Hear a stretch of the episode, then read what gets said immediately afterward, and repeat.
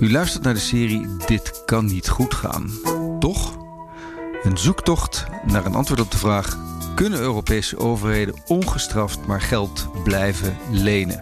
Of moet dat onvermijdelijk fout gaan? Mijn naam is Michiel Bikker-Kaarten, uitgever van de nieuwsbrief De Bikker. Dit is aflevering 2.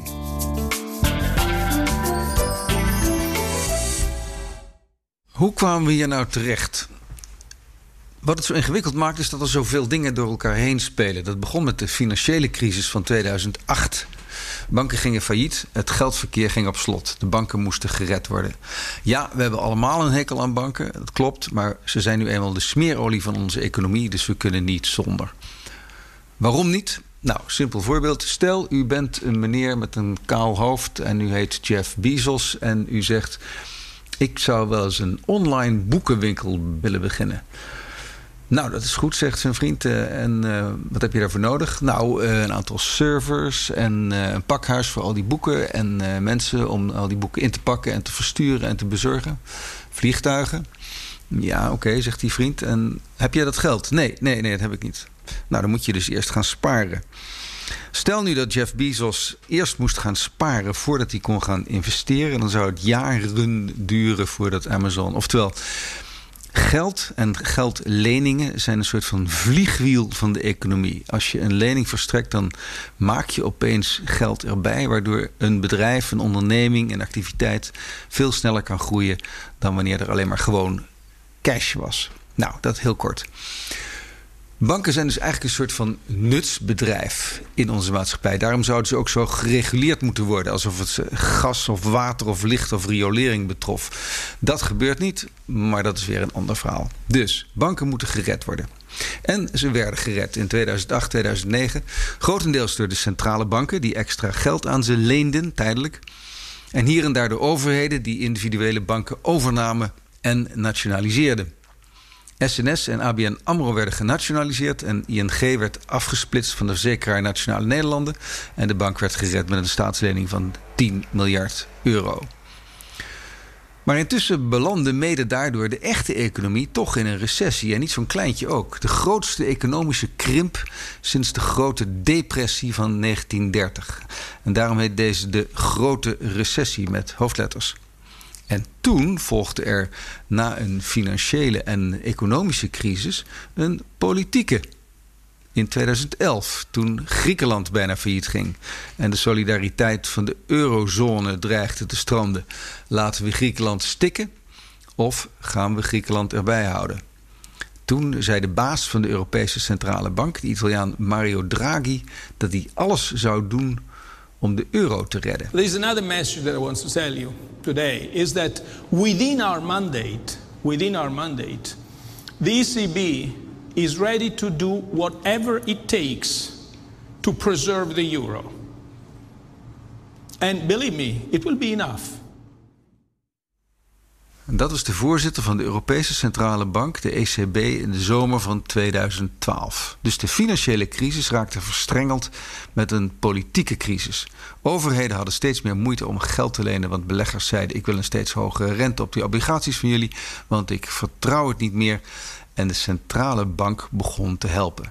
Hier is Lex Hoogduin, de voormalige centrale bankier. Nou ja, kijk, daar, komt, uh, daar, komt, daar komt het probleem in dit verhaal dat uh, een aantal.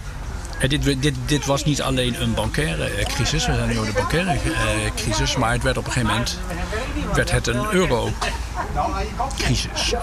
en dan komen de overheidsschulden in beeld. Griekenland, maar ook wel een aantal andere landen. Die landen hebben, hadden, hebben in de crisis hoge schulden gemaakt of moeten, uh, moeten maken. Om de zaak overeind te houden, banken, uh, banken te redden en dergelijke. Soms ook verplichtingen overgenomen. Daardoor werden die schulden, schulden hoog. En ja, ontstond er twijfel of, uh, of die landen wel zeg, zeg, maar, dat, ja, dat, dat houdbaar was. En, en liep we hebben de kapitaalmarktrente, dus de rente die, uh, landen, die, die landen moesten betalen voor die lange leningen, die liepen op. Het kwam dus heel goed uit, laat ik het zo zeggen, dat de ECB op een gegeven moment zei: we gaan QE doen. dus ik heb nu net het verhaal verteld zoals de ECB het uitlegt. Waarom, ze, waarom ze dit doen. Omdat de, de, prijzen uh, te weinig stijgen. Ja. Uh, en dus moet je. Uh, en je kunt niet meer de, met, de, met, de, met je traditionele instrumentje wat doen. Dus, dus moet je andere instrumenten inzetten. Maar het komt, het komt ook heel goed uit voor het houdbaar houden van schulden van landen, van overheden die een te hoge schuld hebben. Dat is dus wat ik bedoelde met dat het zo ingewikkeld is. Er waren verschillende soorten crisis die allemaal met elkaar te maken hadden. En een beleid dat diende om het ene probleem op te lossen had ook effect op het andere probleem. Draghi ging financieel helpen, niet om de economie een beetje op te peppen, nee, om de euro bij elkaar te houden. Was hij daar dan voor ingehuurd? had hij dubbele motieven. Zijn vaderland, Italië en schuldenland een beetje helpen. Je kunt er eindeloos over speculeren, maar ik probeer weg te blijven bij het hele euro-verhaal en de kop op de bal te houden. Dit kan niet goed gaan. Oftewel, kunnen we ongestraft miljarden en biljoenen euro's in de economieën pompen jaren achter elkaar? Ja of nee? Dat is al ingewikkeld genoeg. Goed, de ECB begon de rente omlaag te duwen. Dat kan niet. Maar het hielp weinig. Tussen 2012 en 2015 bleef de Europese economie maar kwakkelen. We hebben het tot nu toe steeds gehad over inflatie en de dreiging van inflatie, maar er is een nog veel enger beest. Dat heet deflatie. Dat is de situatie waarin alles steeds goedkoper wordt. En wat is daar nou mis mee? Nou, je hebt twee soorten deflatie. De fijne is, alles wordt goedkoper door technologie, wereldhandel, zeg maar, de vooruitgang. Vroeger spaarde ik met mijn krantenwerk iedere week een paar guldens. En dan ging ik na een paar maanden naar de platenwinkel om voor 20 gulden een LP te kopen. Nu is er Spotify of YouTube. Ander voorbeeld: een auto kost nu misschien evenveel als 20 jaar geleden, maar is oneindig veel beter, veiliger, zuiniger en sneller. Maar er is dus ook nare deflatie. Prijzen dalen omdat niemand meer iets wil kopen vraaguitval. Dat is een net zo zichzelf versterkend effect als inflatie. Je weet dat iets goedkoper gaat worden, dus je denkt: ik koop wel volgend jaar. Dat is waarom de grote depressie van de vorige eeuw zo lang duurde en zoveel leed veroorzaakte. En toen hadden we dus wel een groot probleem, toen, toen zo begin 2015, eh, langzaam maar zeker, gemiddeld genomen de prijzen onder nul begonnen te zakken. Het prij, tenminste, de prijzen, de, de prijsstijgingen onder nul gingen gaan. Dit is Wim Boonstra. En de angst die bij deflatie leeft, is dat het leidt tot bestedingsuitstel. Van als mensen één keer verwachten dat prijzen blijven dalen, dan gaan ze bestedingen uitstellen. Hm. Dan uh, denk ik van nou, het huis dat kost nu 5 ton, over een jaar is het 4 ton. Weet je wat, we wachten wel een jaartje. Die auto, als die over een jaar 5% goedkoper is, we wachten wel een jaartje. En dan krijg je een soort zelfvervullende uh, meerwaartse spiraal. Waarin mensen op een, op een vreselijke manier in de problemen kunnen komen. Dan kan een economie echt in een. Uh, ja, goed, echt, echt hard omlaag gaan. Uh, en de centrale bank kan er eigenlijk weinig meer doen. Ja. ja want je kunt je rente niet, altijd, niet, niet naar min 3 brengen of naar min 5 of zo. Zouden ze graag willen in sommige contexten, maar dat kan niet. Ja. dus dat, en dan is dat het Ben Bernanke al in 2002 een keer opgezegd. Uh, de beste manier om deflatie te bestrijden is te zorgen dat je er nooit in terechtkomt. Bernanke, dat is Ben Bernanke, dat was de vorige baas van de Amerikaanse Centrale Bank. Ook een bekend historicus, een groot kenner van monetaire geschiedenis. Dus in 2015 greep de ECB naar een paardenmiddel. Een medicijn dat voor het eerst was gebruikt door de Japanse centrale bank in 2001 toen het land al tien jaar bezig was uit een enorme recessie te kruipen. Daar was echte deflatie. Vervolgens door de Amerikaanse centrale bank na de bankencrisis van 2009. En dat befaamde middel dat heet QE, Quantitative Easing, kwantitatieve verruiming van de geldhoeveelheid.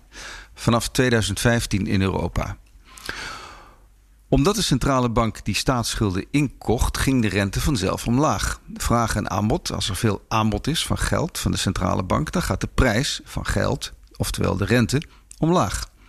Dus een bijeffect van QE was dat Europese landen steeds goedkoper konden lenen en dus meer gingen lenen. En waar haalt de ECB dat geld dan vandaan om die obligaties op te kopen? Nou, dat maakt ze zelf. Als een soort manna uit de hemel komt dat geld uit het niets, simsalabim, en dat is wat we noemen de geldpers. Dat is dus het nieuwe, het rare en voor mensen zoals die mevrouw met haar handtasje en voor mij het enge. Je pompt nieuw geld in de economie. Dat geld wordt gedrukt door de ECB. Koen Teulings is het daar niet mee eens. Hij zegt er wordt geen geld uit de economie gehaald of toegevoegd, er wordt omgezet. Het ene soort geld in het andere. Dus er verandert niks. En daarom is denk ik onze algemene preoccupatie met dat de ECB geld drukt is onjuist. Of is, komt voort uit een verhaal over hoe het monetair systeem werkt, wat achterhaald is. In feite wat de ECB gedaan heeft, is, en wat alle centrale banken in de wereld gedaan hebben, is lange vorderingen kopen en met korte vorderingen betalen. Dus in feite loopt het transformatie. Dat klopt, maar de ene soort geld heeft voelbaar effect in de economie en de andere niet. Kijk, technisch gesproken is het inderdaad niet de ECB die geld drukt. Het zijn de overheden. Als je een lening afsluit en dat geld gaat uitgeven, dat is eigenlijk nieuw geld in de economie stoppen. Dus eigenlijk zijn het de overheden die geld drukken. Maar die obligaties moeten wel door iemand gekocht worden. En als je diep in de schulden zit, willen de mensen die jouw geld lenen een hogere rente, want hoger risico. En daar hielp de centrale bank dus. Door te zeggen: wij kopen alles wel op, bleef die rente laag. En dat is het samenspel tussen overheden en de centrale bank dat nieuw geld in omloop bracht.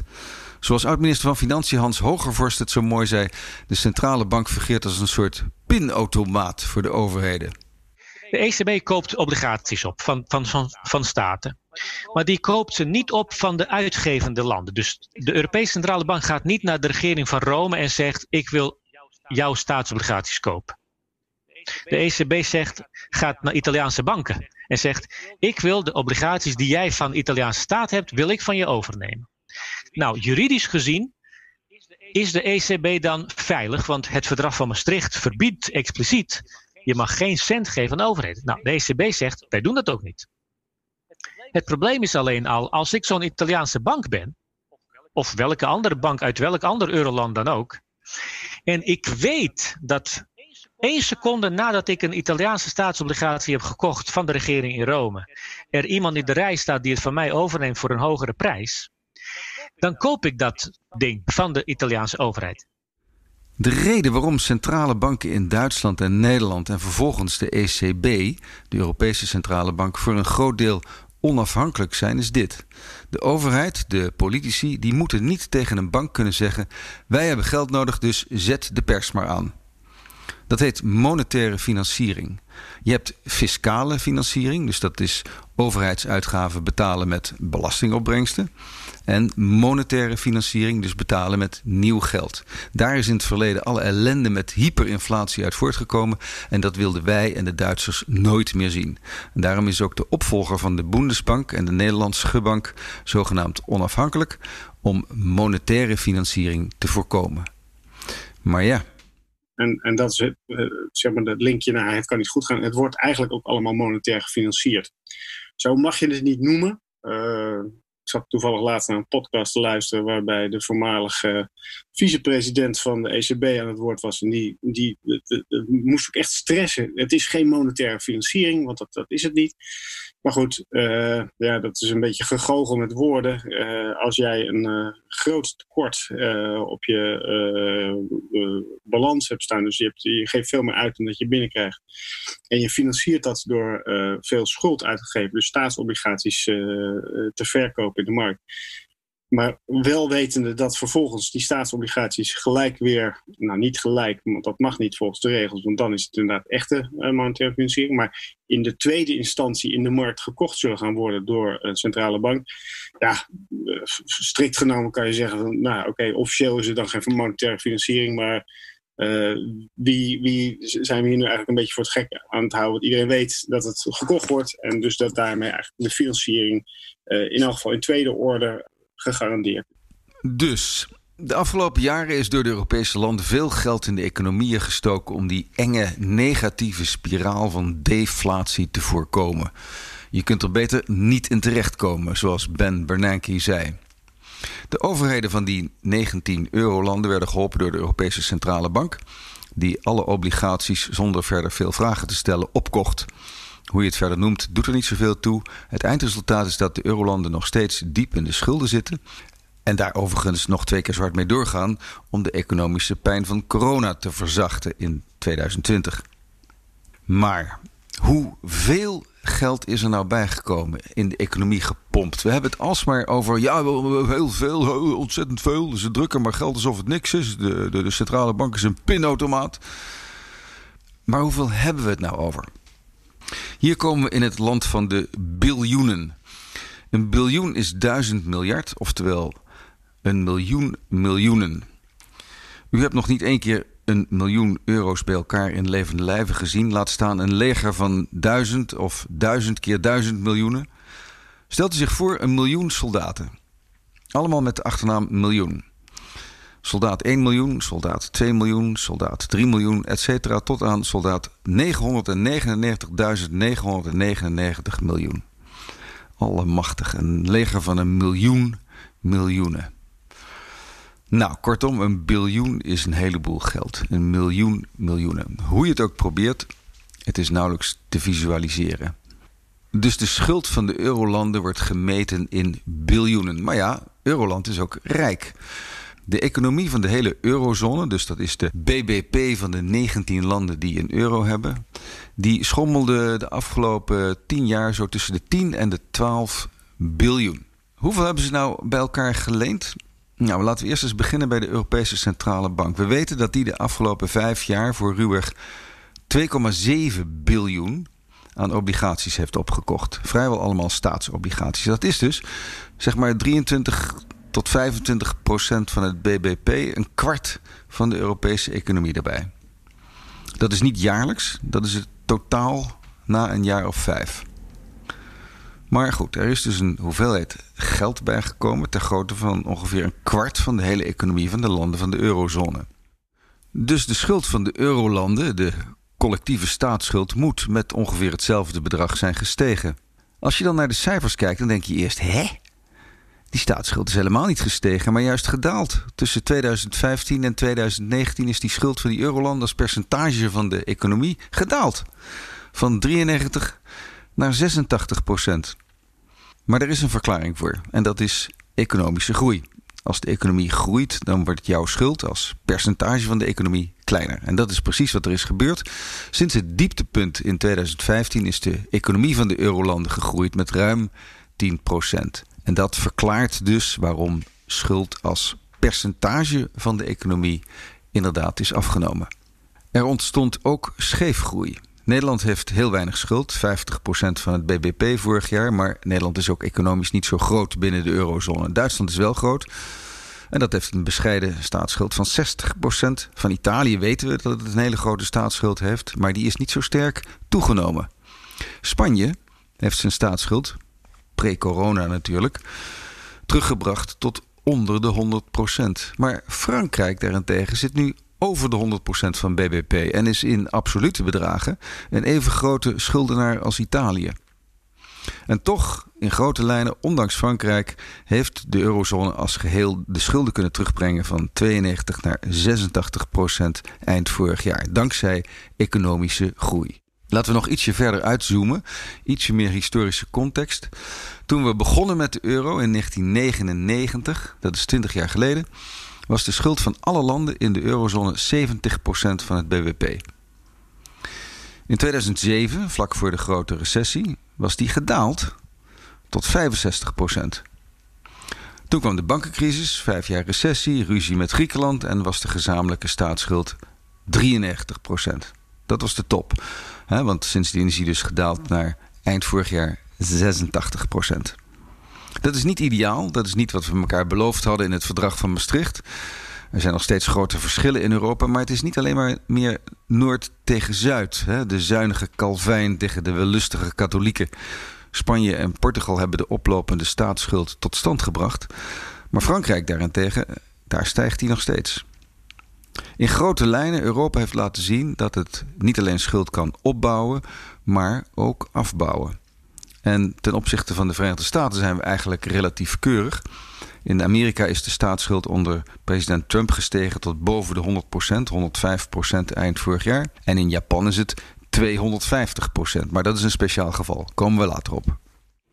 Een aantal jaar geleden hebben we Rogov, Rogov en uh, hoe heet ze? Carmen Reinhardt. Carmen Reinhardt gehad. Hè, die, die, This time, uh, is, time different. is different. Hè, die dus zeiden, overigens hun onderzoek ook weer omstreden geweest, maar goed, doet er allemaal niet toe. En maar die zeiden zoiets van: als het overheidstekort groter wordt dan 90 à 100 procent, dan, dan, dan krijg je negatieve effecten op de economie. Dus het is niet, het is niet lineair. De schade aan de economie neemt eigenlijk disproportioneel toe als die schuld te groot wordt. Dat, dat was een beetje hun, uh, hun, hun conclusie. Um, en weet je, als, als ze gelijk hebben, dus laten we dat nou zeggen 100. Hè, en misschien mag je nog iets bij doen, omdat de rente nu nog, nog weer lager is dan toen zij ernaar keken. En naar al die landen die zij dan uh, bekeken hadden daarin. Ja, dan is 80% overheidsschuld ja, is gewoon niet echt een, is niet een, een probleem. Pas als je over de 100% gaat, dus een schuld hebt die groter is dan wat je produceert, dan gaan economen zich zorgen maken. Maar dan hangt het er ook nog maar vanaf hoe hoog de rente is. Of de economie veerkrachtig is en het kan terugbetalen, et cetera. Dus met die staatsschulden valt het tot nu toe nog wel mee. Vooralsnog. Pourvu sadur. Zoals de moeder van Napoleon zou zeggen, met haar zware Italiaanse accent. Pourvu sadur. We moeten eerst nog wel even een zware wereldwijde coronarecessie doorworstelen. Komen we zo meteen wel op. Maar nu, waar staan we nu? Het banksysteem functioneert weer. De regels zijn wat strenger gemaakt. De economie van Europa groeide weer redelijk. Totdat er corona verscheen natuurlijk. Maar dat gooit alles in de war. Er is geen deflatie gekomen. Dat was het grootste gevaar. Dat is afgewend. Maar er is ook geen inflatie. En dat is het grote mysterie. Waar of waar is toch de inflatie? We zijn het erover eens dat er heel veel geld is bijgekomen in de economie, vooral door overheden, deels ook door de centrale bank. Langs de duim gemeten zo'n beetje 3 biljoen euro, heel veel, een kwart van de hele economie van de eurolanden. Normaal gesproken zou dat dus moeten leiden tot geldontwaarding, inflatie, vraag en aanbod. En toch is dat niet gebeurd. Hoe kan het nou? Er zijn overal verklaringen voor te vinden. Een van de belangrijkste is: het geld van de ECB kwam niet in de zogenaamde gewone economie terecht, waar het inflatie zou veroorzaken. Het bleef hangen in de bubbel. De bubbel van de financiële markten van banken. Wim Boonstra. Uh, dus je moet op het moment dat wordt gezegd er is heel veel geld bijgekomen, vraag 1 is altijd: waar is het geld terechtgekomen? In welk aggregaat zitten we? Ja.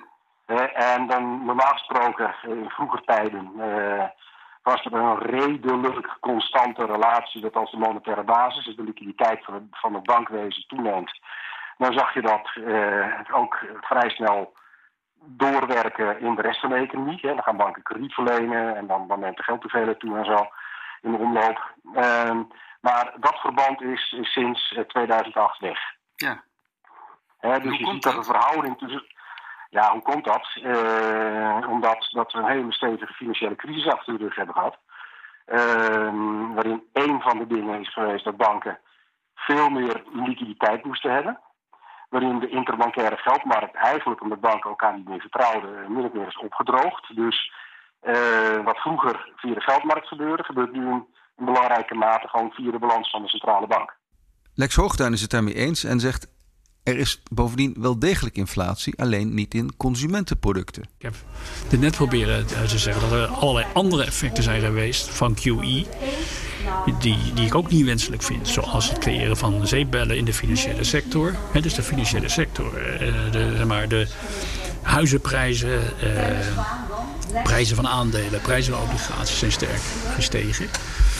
Uh, en de opvang van de financiële sector is sterk gestegen. De, de zombie-bedrijven zijn uh, gecreëerd. Daarmee is de, dus een weinig dynamische economie uh, gecreëerd. Dus dat zijn allemaal. En de marktwerking in de financiële sector is, als je het netjes zegt, is veranderd. Als je het uh, minder netjes zegt, die is verdwenen. Want de centrale bank die koopt alles op. Het enige waar een bank zich nog uh, met druk over maakt, is hoeveel koopt de centrale bank op. en voor de rest kijk je niet meer of een bedrijf goed is of niet goed is. Dus dat is allemaal heel. schadelijk. Heel, dat is heel schadelijk. Het enige wat het niet heeft gedaan tot nu toe is de consument consumentenprijzen ja. opjagen. Wat wij inflatie noemen is correct gezegd de consumentenprijsinflatie.